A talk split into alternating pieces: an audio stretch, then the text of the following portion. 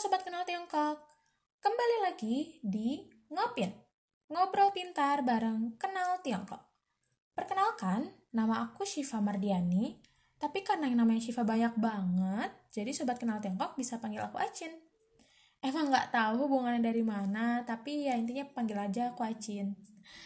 Hmm, lalu aku ini adalah mahasiswa di salah satu uh, politeknik yang ada di Bandung, yaitu Politeknik Negeri Bandung. Yap, segitu dulu aja perkenalannya. Sekarang aku mau tanya-tanya dikit nih. Terutama untuk sobat kenal Tiongkok yang umurnya nggak jauh dari aku. Baru-baru menginjak kepala dua. Hmm, teman-teman lagi ngerasain kayak gini nggak sih? Ngerasa kayak banyak banget kebingungan. Mulai dari masa depan mau jadi apa. Terus apa yang lagi aku lakuin sekarang. Atau bahkan kayak, aduh, aku nggak punya kemampuan apa-apa nih, gitu kalau kata orang-orang sih kayak quarter life crisis gitu. Kalau lagi di fase kayak gitu jadinya overthinking malam-malam merenung. Hmm, capek juga. Kayak sulit gitu buat berhenti. Apalagi cari solusinya. Eits, tapi teman-teman akhir-akhir ini aku menemukan sebuah berita. Eh tapi tapi nggak tahu gosip nggak tahu berita nih Ya pokoknya sebuah kabar-kabar tentang seorang seleb TikTok yang punya ciri khas kayak gini. Mari kita coba.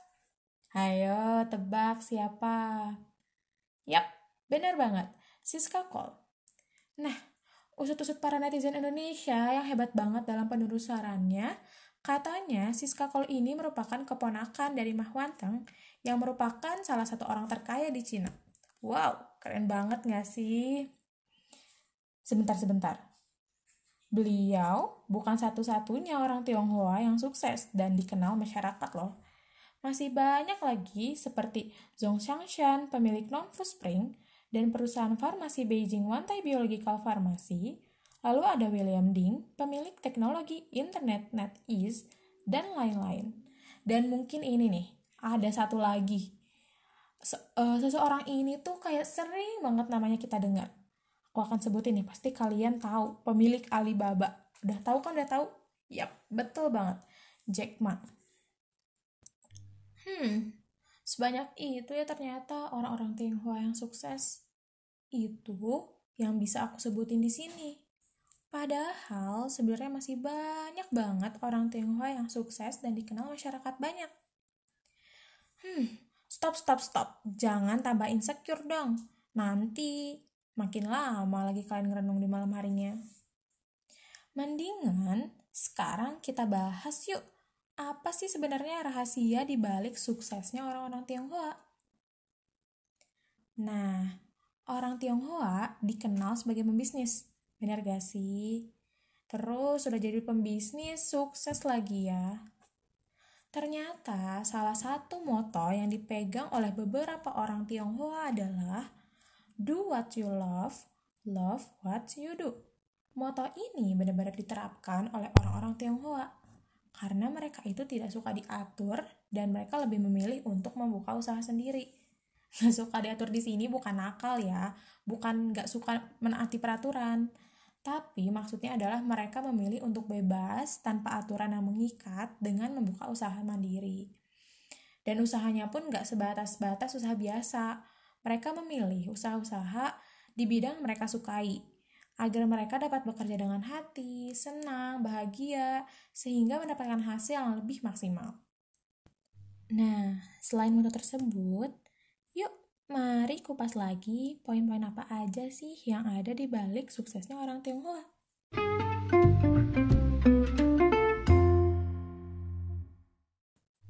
Yang pertama, pekerja keras. Ternyata, kebanyakan dari orang Tionghoa merupakan pekerja keras.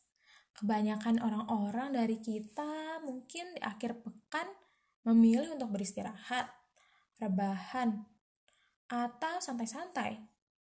Tapi ternyata orang Tionghoa memilih untuk menghabiskan akhir pekan dengan bekerja. Mereka mengatakan kalau akhir pekan adalah hari yang paling tepat untuk menambah pundi-pundi kekayaan. Karena di saat orang lain bermalas-malasan, bersantai-santai, justru di situlah waktu yang tepat untuk bekerja, supaya bisa lebih maju dibandingkan orang lain. Ayo, jadi kalian tim rebahan atau tim kerja nih. Yang kedua, berupaya untuk hidup hemat. Hah, banyak dari kita terkelabui dengan cara berpakaian orang Tionghoa. Mereka berpenampilan elegan saat menghadiri acara bisnis, ulang tahun, makan malam, tapi ternyata mereka lebih suka berpakaian sederhana loh saat menginjakan kaki keluar rumah. Seolah-olah terlihat seperti orang biasa padahal seorang jutawan. Orang-orang Tionghoa juga berupaya untuk hidup hemat. Hal ini terlihat ketika mereka sedang berbelanja. Mereka sangat teliti dalam membandingkan harga saat memilih barang. Mereka juga tidak malu untuk berburu barang yang lagi diskon nih, demi menghemat pengeluaran. Yang ketiga, berani mengambil resiko. Nah, ini dia nih yang ditakutkan oleh kebanyakan anak muda kita suka kepikiran kalau aduh kalau aku ngambil ini nanti aku bakal gagal gak ya atau kalau aku bikin keputusan ini teman-teman aku bakal menjauh gak ya hmm betul banget teman-teman di setiap keputusan yang kita buat tidak pernah luput dari resiko yang nantinya akan sangat berpengaruh gitu ke masa yang akan datang. Tapi teman-teman, daripada kita mendapatkan resiko karena kita tidak pernah mencoba dan mendapatkan penyesalan, mendingan kita mendapatkan resiko karena kita mengetahui hal-hal yang ada di dalamnya. Jadi kita tidak sia-sia atau tidak mendapatkan kegagalan karena kita tidak pernah mencoba. Lalu, yang keempat, selalu tepat waktu. Nah, Orang-orang Tionghoa memiliki rutinitas yang sudah terjadwal dengan baik. Misalnya nih, setelah bangun tidur, mereka langsung olahraga, makan pagi, berangkat kerja. Seluruh aktivitas tersebut sifatnya tetap tidak berubah, sehingga mereka dapat mengerjakan seluruh aktivitas dengan baik dan tepat pada waktunya, atau biasa disebut konsisten. Nah, ini bisa dimulai juga nih oleh sobat kenal Tiongkok kita bareng-bareng mulai bangun lagi habits baru tentunya yang baik-baik ya Sobat Kenal Tiongkok. Lalu, yang kelima, bijak mengelola uang. Banyak yang beranggapan bahwa orang Tionghoa itu terkenal pelit atau sulit mengeluarkan uang, bahkan hanya untuk kepentingan dirinya sendiri loh. Ini itu dikarenakan mereka selalu menegaskan akan pentingnya hidup sehat eh hidup sederhana dan hemat. Nah, mereka akan memenuhi kebutuhan pokok dari uang penghasilan sisa menabung. Dan jumlah uang yang disimpan untuk nabung adalah 50% dari penghasilannya. Besar banget kan ya? Soalnya menabung itu sangat penting loh menurut orang-orang Tionghoa. Pasti menurut sobat kenal Tiongkok juga di sini merasakan kan pentingnya untuk menabung. Poin keenam, berpikir jauh untuk masa depan. Nah, poin ini bakal relate banget nih.